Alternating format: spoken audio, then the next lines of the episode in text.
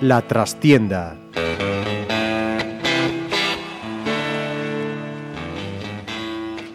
Saludos amigos, os habla Ramiro Espiño en nombre de todo el equipo. Comenzamos una nueva edición de La Trastienda en Pontevedra Viva Radio.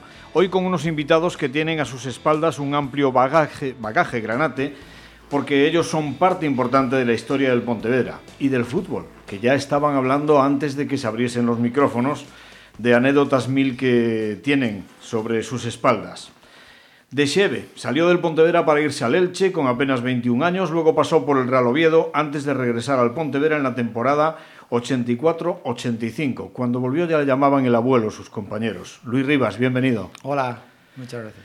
De Bueu, pocos pueden presumir de su trayectoria deportiva como él. Se marchó del Pontevedra en segunda división, fichado por el Real Madrid, donde estuvo dos temporadas. Luego pasó al Hércules de Alicante, otras dos temporadas Cogió el puente aéreo Madrid-Barcelona y se fue al conjunto culé donde estuvo seis años, siempre en primera división. Luego se marchó al Murcia, otras cuatro temporadas para cerrar su carrera deportiva y pasar a trabajar en el Fútbol Club Barcelona como geador en busca de nuevos talentos.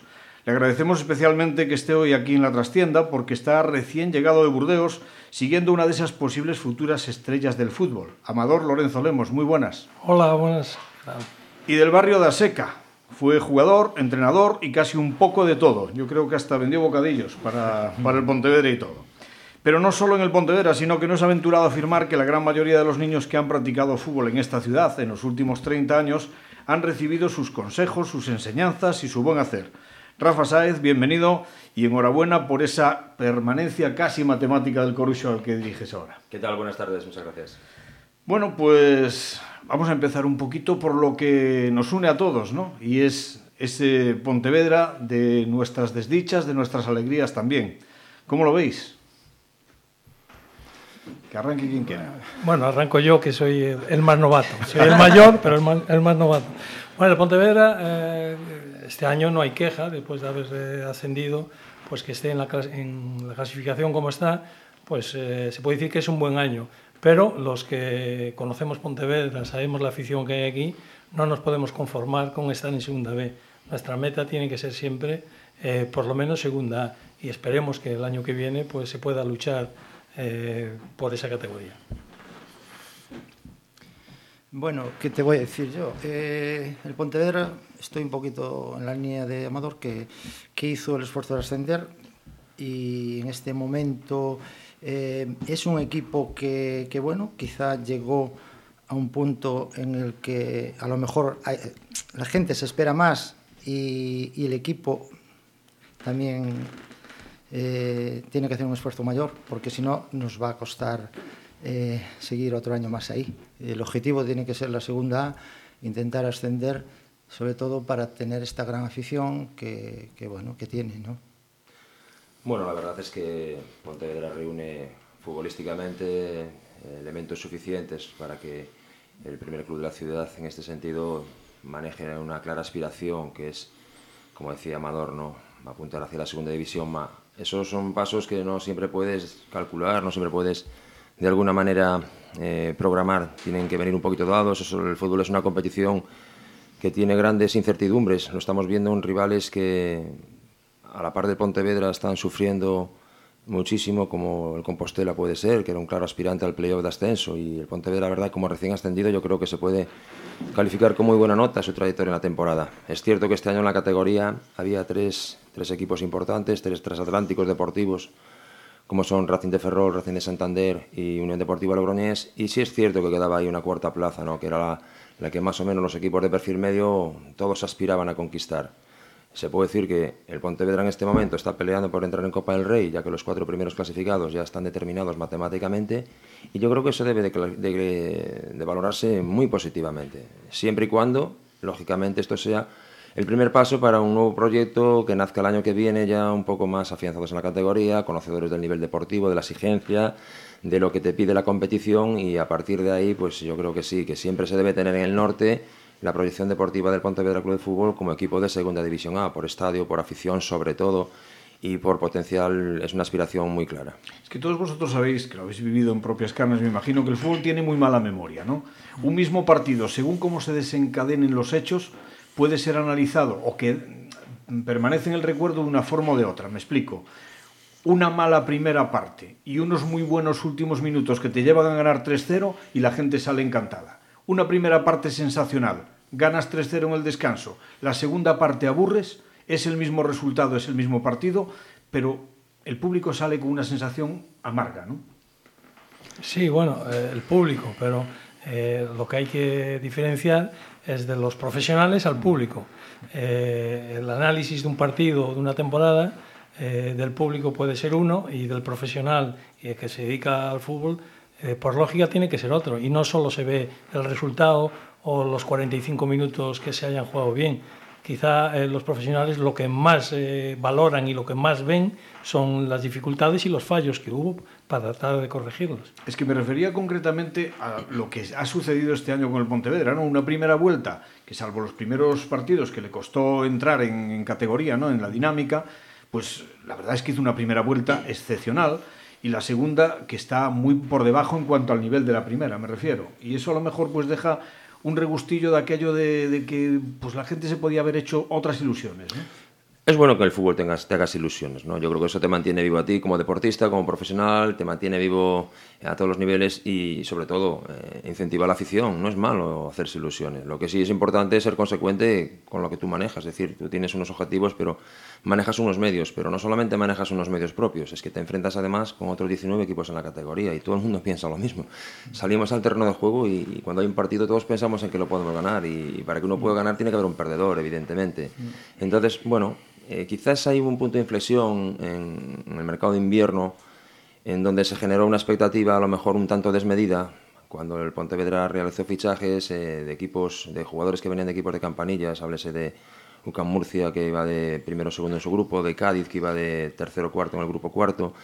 Y lógicamente, cuando un equipo da un paso adelante en, en un mercado de invierno fichando jugadores de este perfil, es evidentemente porque busca algo más de lo que tiene. Y eso lógicamente no se produce y se crea una sensación de desazón, pero yo creo que para nada. El, el hecho de que, ya digo, el Pontevedra haya sido capaz de ir en la temporada de manera progresiva de abajo hacia arriba es una, una muy buena señal. El hecho de que haya mantenido pues una regularidad bastante notable en todo el campeonato me parece también que es de premio y la verdad siempre pienso lo mismo, que estas cosas tienen que ir sumando. Eh, nadie llega a grandes cotas eh, de una manera explosiva, sino dando pequeños pasos y, y reafirmándote en los anteriores. Y esto de esta temporada, al final acabas el, en el top 10 de la liga, en el puesto 6, 7, 8, y vale para que el año que viene puedas empezar desde ahí, pues ya tienes mucho camino andado. Yo yeah. pienso que en este aspecto eh, un poco lo que dice de los profesionales. O sea, un equipo muchas veces eh, tampoco puede funcionar bien a largo plazo si estamos constantemente con cambios, con fichajes, a lo mejor no. no eh, si haces una buena programación y trabajas eh, con gente a largo plazo, tampoco hay que esperar eh, resultados inmediatos. Eh, lo importante pienso que es trabajar con, buenos profesionales y esperar un resultado a largo plazo. Ahora el Pontevedra ha tenido la ocasión de trabajar con gente desde tercera, ascendimos a segunda B, trabajar con unas miras, pero sobre todo buscando jugadores por aquí. Porque lo que decía Rafa, si de qué te vale a ti fichar en el mercado de invierno tres jugadores que al final era mejor fichar uno solo bueno o si no, sobre todo estos niveles de segunda B, trabajar más con con, con, chavales de la casa, chavales de por aquí. Yo es que pienso que había que trabajar, porque es muy difícil en el fútbol, puedes acertar, pero eh, en, una temporada, porque fiches a uno en el mercado de invierno, el otro vas a dar el gol, exacto. Que conste que el Pontevedra mejoró, sobre todo con algún fichaje, como puede ser Mourinho, que es un tío que le da un poco de, eh, eh, ahí de, de, fuerza. Pero yo pienso más en la, en la programación de los equipos, y, eh, ya te digo, un poco más a largo plazo. Hombre, eh, para mí hay una cuestión muy clara, no sé, pero que es la, la, cantera y que es fundamental. Todos vosotros sois de aquí, habéis salido aquí. Y ahora mismo, desde mi punto de vista, el Pontevedra, los dos mejores jugadores y de más proyección que tienen, curiosamente son de aquí. El portero Edu Sousa y Kevin Presa. ¿Me equivoco? No, es correcto, es correcto. No, no, sí. De proyección, sin duda. Sí. Eh, yo decía esto, tiene mucha razón Luis, lo que habla de la cantera. Yo eh, eh, ya hace un mes o mes y medio bueno, porque todos los que estamos aquí somos eh, del Pontevedra por, eh, de nacimiento, se puede decir, ¿no? independientemente de nuestras vidas profesionales, y de lo que estoy súper preocupado es del Pontevedrés. Yo, el primer, el primer resultado que veo de, eh, el domingo por la noche es lo que ha hecho el Pontevedrés, que está en una situación súper delicada, que está peleando por no descender en una categoría que es una categoría muy mala. Sí, que a nivel formativo no, sí, no dice nada. No dice nada. Yo sé que eh, eh, este fin de semana ha ganado, que, que, tiene muchas posibilidades de salvarse y yo creo que eh, el, el, proyecto empieza por lo que decía Luis, por la base. no solo por el Pontevedra, los juveniles, el, los infantiles, los pequeños. Yo sé que se está haciendo, este año se ha hecho una labor importante ahí, está Pedro ahí trabajando, que es un trabajador incansable del fútbol base, lo controla todo y está trabajando mucho y bien. Esto tiene que ser un proyecto a, a, por lo menos a medio plazo, pero la solución del Pontevedra en pas, eh, pasa por ser un proyecto desde abajo. Sí, porque este, esta semana se ha renovado a Luisito, un entrenador, y vosotros que habéis tenido grandísimos entrenadores todos, pues que ha calado con la afición, ¿no? Porque hay que ver cómo en la grada mejor por su forma de ser, por su, la intensidad que le, que le mete a sus equipos, etcétera, etcétera. Y en Pasarón vosotros sabéis que se valora muchísimo cuántas veces un jugador no tiene un día, pero corre que se mata y se le ha aplaudido. No, no cabe duda que, que efectivamente el, el, cambio más notable de, con Luisito fue la actitud de los jugadores, que pelean más. Eh, eso ya se debe exigir por, por, norma, claro, un jugador cuando sale al campo lo, mínimo que se debe exigir es que, que, intente hacer lo mejor posible y que luche, que es una característica muy, muy de aquí, de Pontevedra. Aquí los equipos de Pontevedra siempre lucharon mucho y sobre todo los partidos de casa, eh, y, pero bueno, después siempre quieres algo más, después quieres algo más, y ese algo más es el que no llega, que es lo que te puede dar la calidad de un jugador o, o bueno, o trabajar trabajar bien con, con, el equipo y hacer, hacer con un equipo que muchas veces, eh, siendo inferior y con menos figuras, pues rinda perfectamente. Sacarle el máximo provecho. Pero eso ya es cuestión de los profesionales. Ahí de Rafa. No, no el, el, el, fútbol, el fútbol, por suerte, pertenece a los futbolistas. ¿no? Muchas veces nosotros, mm. eh, los entrenadores, queremos adueñarnos de él y, y, es un error. ¿no? El fútbol es de los futbolistas. Los que habéis jugado a grandes niveles lo sabéis que es así, lo estamos viendo todos los días. ¿no? Pero la verdad, estábamos hablando ahora un poquito de, la posible proyección del Pontevedra en sucesivas temporadas. Bueno, un, un, primer paso significativo es que a falta de tres jornadas de acabar la temporada se haya renovado el entrenador. Eso quiere decir que el equipo está en una buena línea, que si la afición responde y de alguna manera eh, sigue volcada con el equipo, como así hace siempre, se podrá iniciar ya la temporada siguiente desde otro punto de vista que la anterior, donde tenías a lo mejor o podías tener alguna duda ¿no? de un equipo recién ascendido, pues bueno, cuidado cómo va a ser esto, ahora ya tienes una medida de la categoría. Y a partir de ahí, la verdad es que en el fútbol vale todo. Una cosa es lo que nos gustaría a nosotros como pontevedreses, ¿no? A mí particularmente, que como niño mi mayor ilusión fue jugar en el Pontevedra, ni jugar en el Barcelona, ni en el Madrid, a mí eso me dio, me dio nunca cero importancia, pero a mí mi ilusión fue jugar en el Pontevedra, lo comentábamos antes, ¿no? Mis ídolos no eran los jugadores del Madrid, ni del Barça, ni del Celta. Mis, mis ídolos eran los del Pontevedra. Genupi, en este caso, que hablábamos antes, ¿no? que para mí era el referente. Y sí es cierto que hay dos maneras para poder mejorar tu estatus eh, futbolístico. Una es una clara inversión económica y a partir de ahí tus posibilidades de crecer van a aumentar. Dos es el trabajo muy a largo plazo, ¿no? que es el trabajo con la cantera, con el fútbol base, el trabajo con los equipos del entorno, en definitiva, el buscar debajo de las piedras. Pero es que hasta la cantera, trabajar la cantera cuesta dinero hasta trabajar la cantera necesita una inversión. Y una inversión económica, por una parte, y después una inversión fundamental de fe, de credibilidad, de, de, de, de verdad, de, de creer que esa puede ser la solución a tus problemas. Lo que no se puede es divagar en ese sentido, ¿no? Hoy gasto el dinero y hago un equipo pantalonario, como no salió, trabajo la cantera dos meses, luego como no salió, vuelvo a gastar el talonario, y eso es un sin vivir que no te lleva a ningún lado. Yo creo que lo más importante es eso, que la gente que está dirigiendo al club y que está comprometida con el club, que se comprometa con el proyecto de la cantera. Porque eh, yo hablando hace 15 días con un, un pontevedrés de pro, que fue portero también, Moncho, estábamos recordando y él me, me decía que, le, eh, que no podía entender como el, el Lugo, eh, una envidia sana que tenemos, que está en segunda A y que lleva varios años ahí jugando bien a fútbol y el, el, Racing de Ferrol, que lleva este año llevó la Liga de Calle, y decía, decía, me decía Moncho, yo en mis tiempos es que iba a jugar a Ferrol, no había nadie en el campo.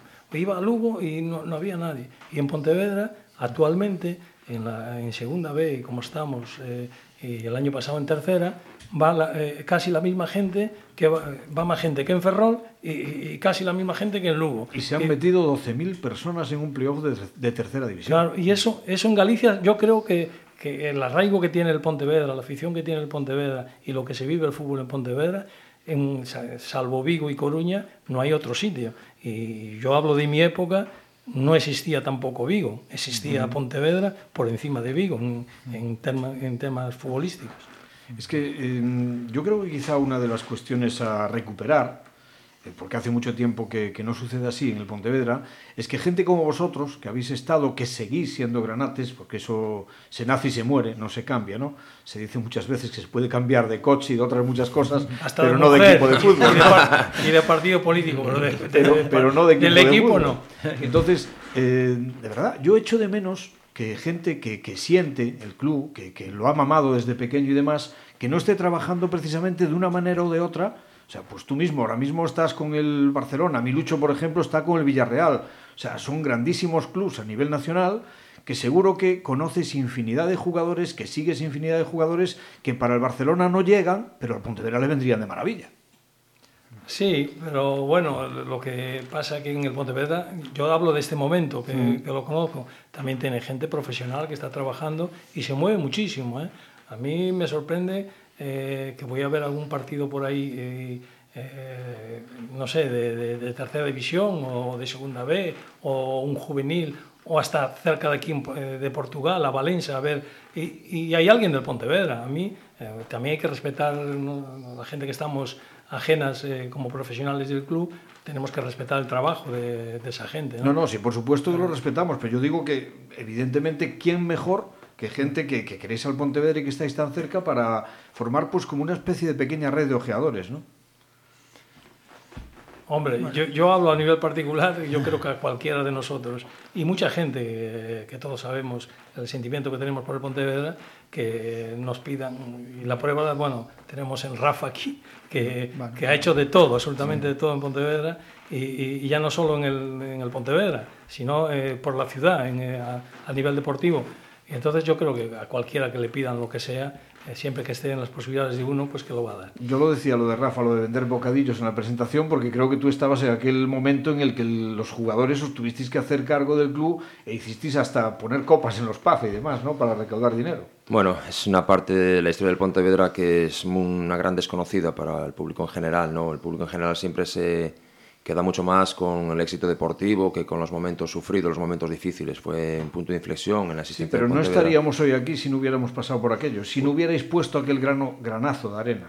Es, es, seguro, es seguro que seguramente la historia hubiera derivado por, otras, por otros derroteros y es seguro que, bueno, no sabríamos a dónde nos podría haber llevado.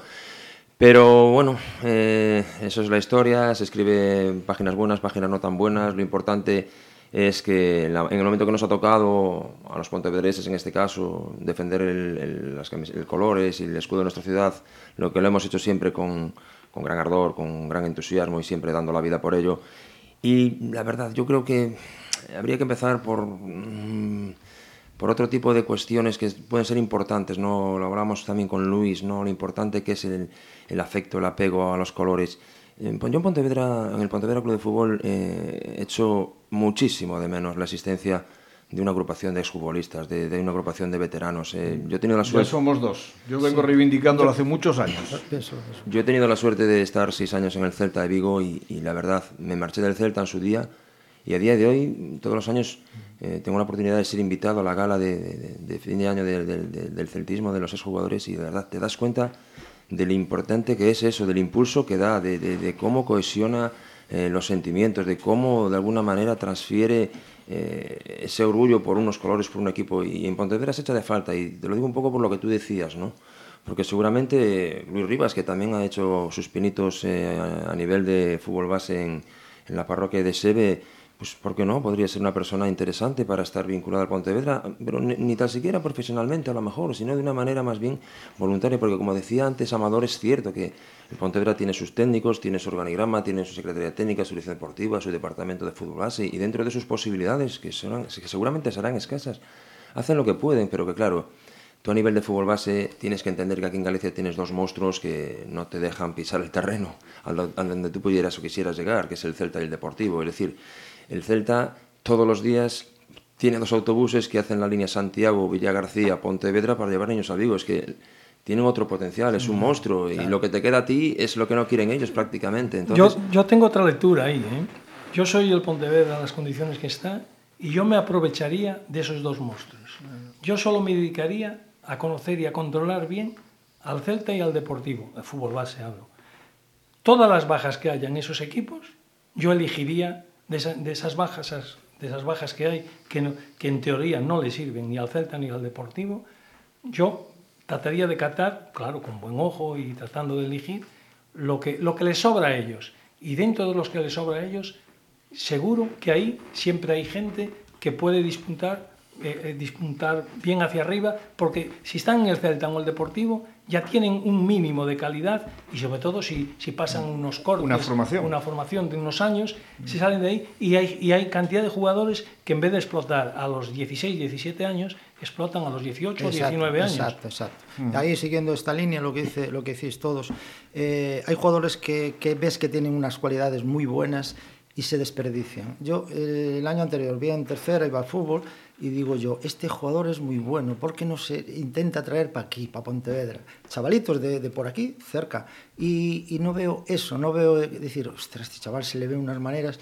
Y luego hay que tener la paciencia que dice Amador, de que hay chavales que, que son buenos, pero a lo mejor hay que tenerlos a la fuerza, porque este año no, te, no, no, no dan el salto, pero al siguiente dan.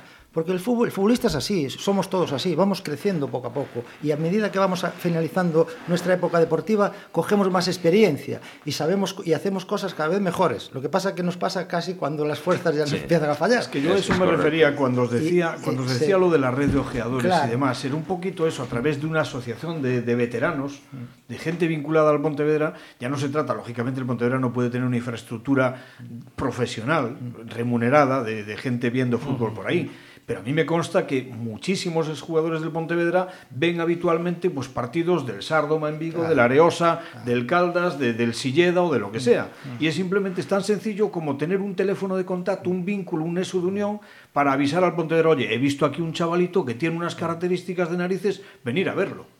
Digo yo, ¿no? Sí, y a, y a, sí. veces... a ver, es, es vamos a ver, no, no, está bien, vale, pero cuidado, que el tema del fútbol base en el año 2016 tiene unas connotaciones que mejor que nadie amador conoce, que ya un niño de 12 años ya tiene un padre que cree que su niño es Sí, bueno, bueno, es, es que un niño de que un niño, un niño, y digo niño, eh, no digo un chico, un niño de 15 años que todavía no sabemos si va a darle bien con una con otra, ya tiene un agente FIFA o un de agente 12 años dices, tú eres organizador con Manolo Sánchez, con portero 2000 del torneo de fútbol 7 Benjamín Ciudad de Pontevedra. Y, y, niños de, de 8 años y ya andan revoloteando agentes por ahí a la busca de, por eso, talento. Por ¿no? eso te digo que, que yo creo que eh, eh, yo tiraría un poquito más por lo que por, la, por lo que dice Luis. Yo no me obsesionaría tanto con un proyecto de cantera global, de, de, de, tener el mejor equipo de prebenjamines, de tener el mejor equipo de benjamines. Eso hay que dejárselo para los clubes de la ciudad, -huh. ¿vale? Sino más volcarse pues, en ese jugador de 19-20 años que en el Celta B pues, no pasa el corte al primer equipo, en ese jugador que el Lugo este año ha hecho una apuesta magnífica. Los cinco mejores jugadores que tenía con proyección que trajeron de equipos de fuera se los han cedido a Somozas. Mario Barco, Leuco, eh, Dani Pedrosa, y, y, y, le han jugado todo el año y seguro que de esos cinco que han prestado al Somofas, tres el año que viene estarán en la plantilla del Club Deportivo Lugo. Entonces, pues qué mejor inversión que esa. Esa es la mejor inversión. Lo, lo, que estábamos hablando del Pontevedra. Eso lo puede hacer con el, al nivel del Deportivo del, o del Celta, eh, mismo del Celta B, y yo me atrevería a decir hasta de juveniles. Cuando terminan de juveniles en el Celta o en el Deportivo, hay un corte importante Muy que importante. no todos pasan al, al Celta B. Claro, hay que también hilar fino sí, y saber y seleccionar y saber elegir. Pero yo creo que eh, un equipo de las, eh, de las, características de Pontevedra, yo creo que eh, la proyección de, pasa por ahí. El estar eh, atento a esas y después también en edad juvenil o en, en, eh, en, el primer año de juvenil hay gente que no pasa el, corte, pero sabes que tiene un mínimo de, de eh, posibilidades deportivas de, de poder ir para, para, arriba. Esto llevado a otra escala, yo siempre, yo que trabajo a nivel profesional eh, con el Barcelona, yo siempre digo, yo soy el Zaragoza, o soy el Sevilla, o soy el... yo no gasto un duro en, el, en andar viendo jugadores por ahí. Yo me limito solo a los descartes del Madrid y del Barcelona en España, o del Arsenal, o del, o del City, de, del equipo que sea. Con los descartes de esos, y la prueba está que jugadores del, que se van del Madrid o que se van del Barcelona, con alguno con 20 años o con 21, después llegan a internacionales en otros equipos. Sí, Ahí es donde hay que, que estar finos y Totalmente. es lo que me refería yo del Pontevedra. De hecho, hace mucho tiempo el Pontevedra utilizó eso en los mejores tiempos, cuando sí. traía eh, del Madrid, trajo a Calleja, o del Atlético de Madrid, tenía del Fin Álvarez. De, de Fin Álvarez, del Zaragoza. Martín Esperanza. Martín Esperanza. Uh -huh. O sea, eh, yo creo que la buena comunicación con los clubs cercanos. Y, y más recientemente, el último ascenso a segunda división con Cabrera y Capdevila del Madrid. Cabrera, exactamente, sí. exactamente. Es importante es la comunicación esa porque la buena relación con los clubs que están por encima tuyo, que siempre te pueden aportar buenos. Es una idea buena, sí. Bueno, ahora con Amador seguro que ya el Barcelona nos dejará alguno que le sobra, ¿no? Sí, anda ahí Messi que, y Neymar. ¿no? Neymar, que está, está, está en un mal momento, sí. lo recuperamos. ¿no? O sea, que venga aquí a recuperarse una temporadita. Bueno, eh, al margen de todo esto, no hablamos siempre de los entrenadores, del fútbol actual, del otro fútbol que esta semana pues ha habido también bastante. Y vosotros habéis tenido, sobre todo Amador y, y Rivas, entrenadores con una larguísima trayectoria, ¿no? Porque hablabais un poquito de anécdotas, unas se pueden contar, otras no se pueden contar, mm. pero bueno, bonitas todas ellas, ¿no? Rivas tuvo, por ejemplo, a Lalo en el Pontevedra, Heriberto Herrera, que no tenía nada que ver con Elenio, aunque sí, muchos sí, lo confunden, eh, Arsenio Iglesias, Eto Rial, -hmm grandísimo amigo. Héctor, creo este que sí que había que hacerle un monumento, un monumento en Pontevedra. Más que, y, y, es una persona, o sea, que, que yo creo que ya, eh, hasta el trofeo que le hacen mm. lo han desprestigiado sí, de una sí, forma sí, y es la persona el deportista más importante que, que, jugó, que estuvo vinculado al Pontevedra, que fue campeón de Europa con el Madrid, que jugó en el Real Madrid, mm. en el Real Madrid eh, auténtico, de, de verdad. Y, y, y, y, solo la ilusión de él era que lo enterrasen con la bandera de, y, el escudo del Pontevedra. Pues, y, y, y, que se desprestigie hasta su trofeo, a mí me parece, eso me parece hasta indignante. Eh, hay muchas cosas que la gente no sabe de, de José Torrial La Vía, mm. que era un auténtico fenómeno. Yo llevo muy a, a gala el decir que he compartido madrugadas con él, en viajes, en desplazamientos. Él era una persona que le no perdonaba la siesta, ¿verdad, Rafa? Pero sin embargo le costaba ni, mucho ni dormir. Ni el cigarrillo, el cigarrillo tampoco. era una marca muy característica. Sí, que, sí, era no una señal de identidad. Sí. Pero sin embargo le costaba muchísimo dormir luego, sobre todo las vísperas de los, de los partidos. Y siempre buscaba quien en los hoteles pues se quedase. Pues eh, Cholo Piñeiro, que era el delegado en aquel entonces, el difunto Cholo Piñeiro, pues ya no aguantaba tanto y demás, y nosotros nos tenemos quedado hasta las 5 o 6 de la madrugada muchas veces hablando de fútbol, ¿no? O sea, anécdotas infinitas que podríamos contar pues como cuando lo que ahora llaman fútbol directo y nosotros creo que ya tenemos unos añitos le llamábamos patadón y él se levantaba indignado y decía, che pibe, al fútbol se juega por donde pastan las vacas. Cosas de este estilo, ¿no? Sí, o sea, sí, sí, un genio, pero hmm. detalles de, de ser el padre de los futbolistas, detalles que muchos de ellos no se conocen, que pertenecen un poquito a la intimidad de un vestuario, pero que merece la pena que a personajes como Eto Rial pues se le, ponga de manifiesto y se le magnifique, ¿no? Porque, vamos, no se le magnifique, se ponga en su justa medida.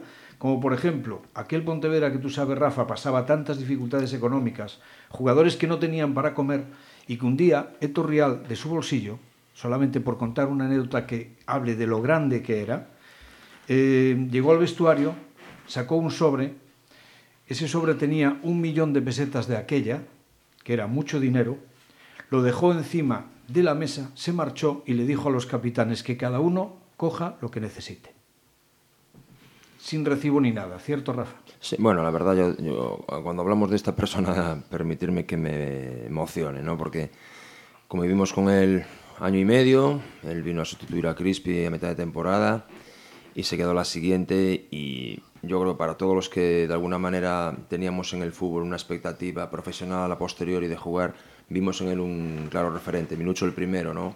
Porque fue el que fue su mano derecha, su segundo entrenador y de alguna manera la persona que más convivía con él. Pero después los que estábamos a su alrededor, que éramos que nos gustaba aquello del fútbol, pues Fernando Núñez, Miguel Villaverde, Pablo Vázquez, toda esta gente que hemos seguido así un poco en el fútbol, siempre recibimos de él muchas enseñanzas. A mí particularmente me tocó un poquito más, porque yo ya hacía pinitos como entrenador y tengo el orgullo de que mm, en vísperas de su fallecimiento me quisiese dejar toda su biblioteca, su bibliografía futbolística, sus apuntes a mano, sus manuscritos de cuando estuvo en Francia entrenando, cuando entrenó la selección olímpica española, etcétera, etcétera. La verdad es que para mí fue, es un orgullo poder sentirme en esta situación con respecto a esta persona y la verdad me di cuenta de su magnitud el día que se murió, que jugamos en casa contra el Atlético Madrid, recuerdo el partido perfectamente y el entierro era al día siguiente, el lunes, y, y mi Lucho y yo al final decidimos coger el coche eh, anduvimos siete horas de viaje toda la madrugada para poder estar allí.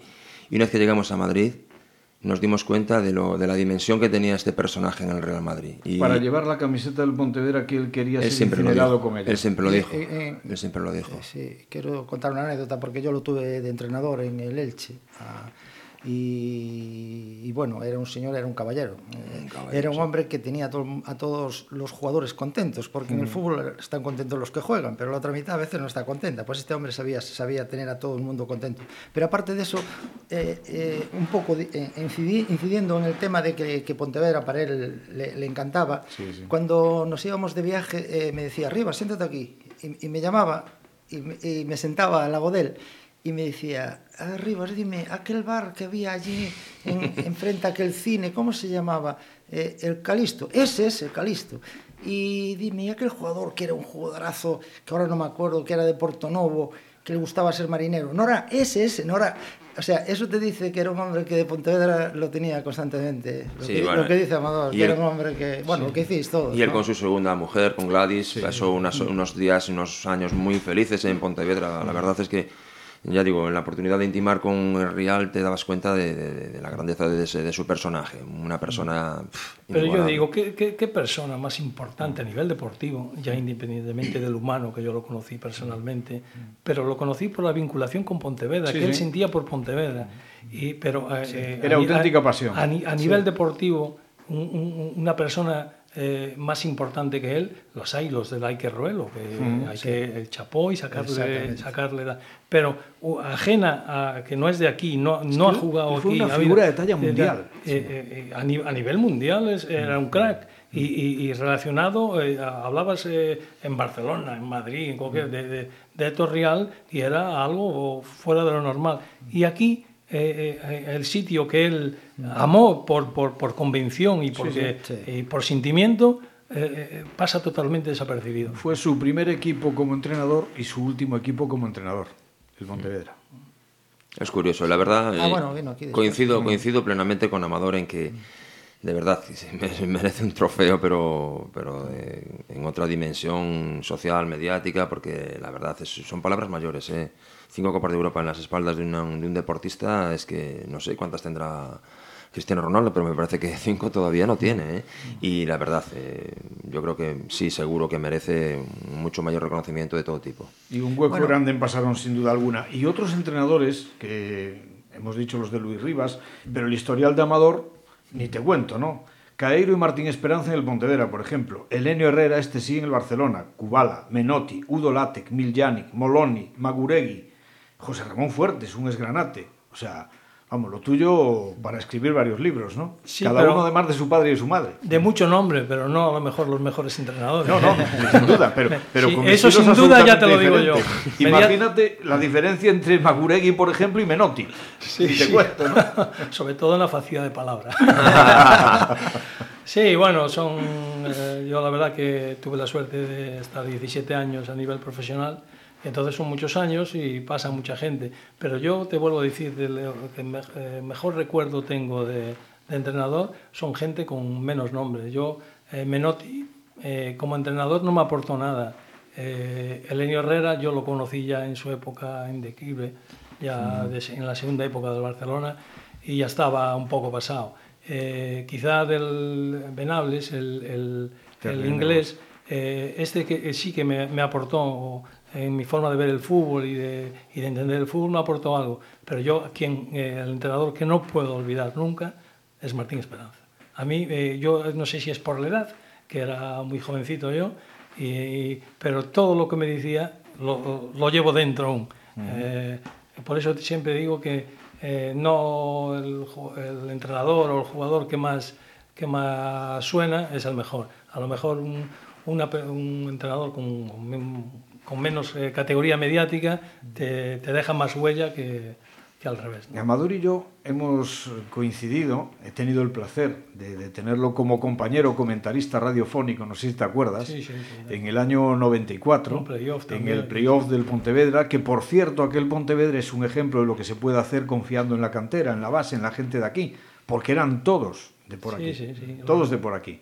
Y bueno, conversaciones de fútbol también hemos tenido unas pocas. Sin embargo, hay una, una pregunta que a mí siempre me quedó, no sé si es de los secretos que se pueden confesar o no. Ahora que estábamos precisamente en esta semana con ese otro fútbol, el baloncito que sale del banquillo del Atlético de Madrid, etcétera, etcétera, y, y esas historias, ¿no? Aquel famoso incidente que tuviste, aquel enganchón que tuviste con Hugo Sánchez. Estabas en el Murcia, ¿no? Sí, bueno, eh, no, no fue tampoco gran incidencia. Mediáticamente se le dio en su momento. Eh, fue un, yo creo que una tontería por mi parte. Primero, bueno, primero por él, por la forma de jugar de él. es una cosa que tampoco nunca lo conté, pero mira, como anécdota sí la voy a contar. Acababa de fallecer mi padre y, y este jugador, que era un crack eh, como sí. delantero, uh -huh pero eh, analizaba, yo creo que todo. analizaba todo sí. lo de los contrarios. Para y sabía, sabía que me había muerto mi padre y, y, todo el partido se pasó insultándome, metiendo a mi padre por medio. Y yo aguanté hasta el final. Eh, eh, eh recuerdo que empatamos a unos, nos empataron al final. Y yo al terminar el partido, pues me acerqué a él y le, le, no le di ni una colleja, eso vamos a salir en la tele, mm. sabía bien. Le toco en la cabeza y le digo, hombre, así no se puede andar por la vida. Se tiró al suelo, como si lo hubiesen matado allí, pues sí, se, después se montó una gorda allí, pero eso fue, después sí es cierto, y tengo que reconocerlo, que en el partido de vuelta, antes de empezar el partido, él vino y me pidió perdón, yo le dije nada, que no pasaba absolutamente nada, pero ha pasado ya pues cinco o seis meses. O sea, es lo que decimos, ¿no? De esos jugadores, que hay muchos, que cuando los tienes en tu equipo los quieres y cuando los tienes enfrente los odias. No, yo en mi equipo tampoco quiero gente así. Lo, ¿eh? lo, lo yo quiero gente aguerrida, gente que pelee, gente que meta el pie de verdad y que, que arriesgue, pero de esa forma no, porque eh, yo te puedo decir, eh, yo hablando con, con, porteros de la época, que, que te escupiese o que te estuviera yo eso uh, no lo veo. Era, era otra época también. Sí. Yo estoy convencido de que ahora eso no pasa. ¿eh? ¿Tú crees? Eh, bueno, en momentos muy puntuales, pero es que este lo hacía por norma, o sea, porque era su forma de jugar. Él se motivaba así, parece ser, se motivaba así, y era un gran goleador, ¿eh? Muy buen goleador. goleador eh, no hay duda. Increíble. Bueno, alguna de esas anécdotas de las que no se pueden contar, que decíais antes a micrófono cerrado, o, o seguimos sin contarlas. ¿Qué, ¿Qué, os queda? ¿Nada, nada en el tintero? No, Dios, ahora es que no se me ocurre ninguna. La próxima vez tendremos. Bueno, pues, pues antes, antes de, de, seguir con esto, pues aquí en la sastrería tenemos un microespacio irónico festivo. La semana pasada estuvo de vacaciones porque a veces las sastrerías también cierran y no hacen trajes, claro. en este caso, nuestro sastre particular y sus amigos que nos dan su visión de el otro fútbol. Que ya estaréis contentos, digo yo, que tenemos Luisito para un año más, ¿no? Hombre, y para celebrarlo, en Astomozas sorprendió a todos. Hombre, antes sabíamos la alineación de memoria, ahora cada semana cambios y sorpresas. Es que hay que rotar al personal, que no os enteráis, que la Champions desgasta mucho. Hombre, y jugar al escondite, pues eh, yo creo que con los rivales eh, sacando a un lesionado sin anunciar que estaba curado, creo que también. Eso a mí me recuerda a ciertos entrenadores de hace años que podían al delantero centro con el número 2 y al lateral izquierdo con el dorsal 9 para despistar. Ya, ya, ya. Pero eso duraba lo que duraba la tontería, claro. Pero esta vez por lo menos empatamos. Con suerte, pero empatamos. Sí, pero llevamos cuatro partidos sin ganar. Dos puntos de doce. Y doce partidos en los que como mucho hacemos un gol. Estaba claro. En enero iban a fichar un delantero y en su sitio trajeron dos que no lo son. Vamos, que no teníamos para pan y compramos estampitas. Si es que no nos conformamos con nada. Los delanteros cuestan tela y no de la que uso yo para hacer trajes precisamente. Pues como no encontremos algo bueno, estamos aviados, que para estar arriba hay que hacer gol y encajar pocos. Está claro, y el Pontevedra lleva 20 goles de diferencia, menos que cualquiera de los cuatro primeros. Lo digo para que se tome nota. Ya, ya. Oye, ¿y el balonmano qué? Que tanto Teucro como Cisne lo tienen complicado. Pues confío en ellos, yo sí, porque además se lo merecen. Son unos currantes y tienen algo que no tienen otros. Al frente hay personas que están para trabajar, no solo para figurar. Sí, porque además hay que echar un vistazo a los palcos. En Pasarón hay codazos. En el municipal, el presidente Teucro no reúne ni puntos suficientes para jugar al MUS. Y lo del cisne, bueno, lo del cisne ya ni os cuento. Que su presi lo mismo cuelga carteles que hace de portero y no en el campo, sino en la puerta. O de siempre, vamos. Que para salir na foto hai xente. Pero si para crecer hai que traballar, é mellor facer lume. Bueno, pues el sastre y sus amigos, que como siempre nos dan una visión ligeramente diferente, ¿no? De lo que suele ser ortodoxo y a veces incluso políticamente correcto, como se suele decir. Eh, don Luis Rivas, un placer tenerte aquí con nosotros. Amador, muchísimas gracias, como siempre. Y Rafa Sáez, que esa permanencia matemática está más que hecha, hombre. La Bueno. matemática todavía no, pero la real seguro que sí. Eso esperemos. Yo, por mi parte, te agradezco que me hayas permitido participar en este rato tan agradable con dos monstruos de- del fútbol nacional y, pues, sobre todo, gente de Pontevedra. Nada, ahora cuando os vayáis, antes de que os levantéis, ya penséis que los micrófonos están cerrados, empezáis a hablar de esas anécdotas, las grabamos y luego las colocamos igual. Pues nuestra despedida musical de esta semana la coge, la ocupa la banda alemana de hard rock y heavy metal Scorpions. Se trata de un tema extraído de su cuarto álbum grabado en vivo en el convento do Beato en Lisboa los días 8, 9 y 10 de febrero de 2001. Su título, The Zoo. Como siempre, que lo disfrutéis. Hasta la próxima semana, que intentaremos que haya más y si podemos, también mejor.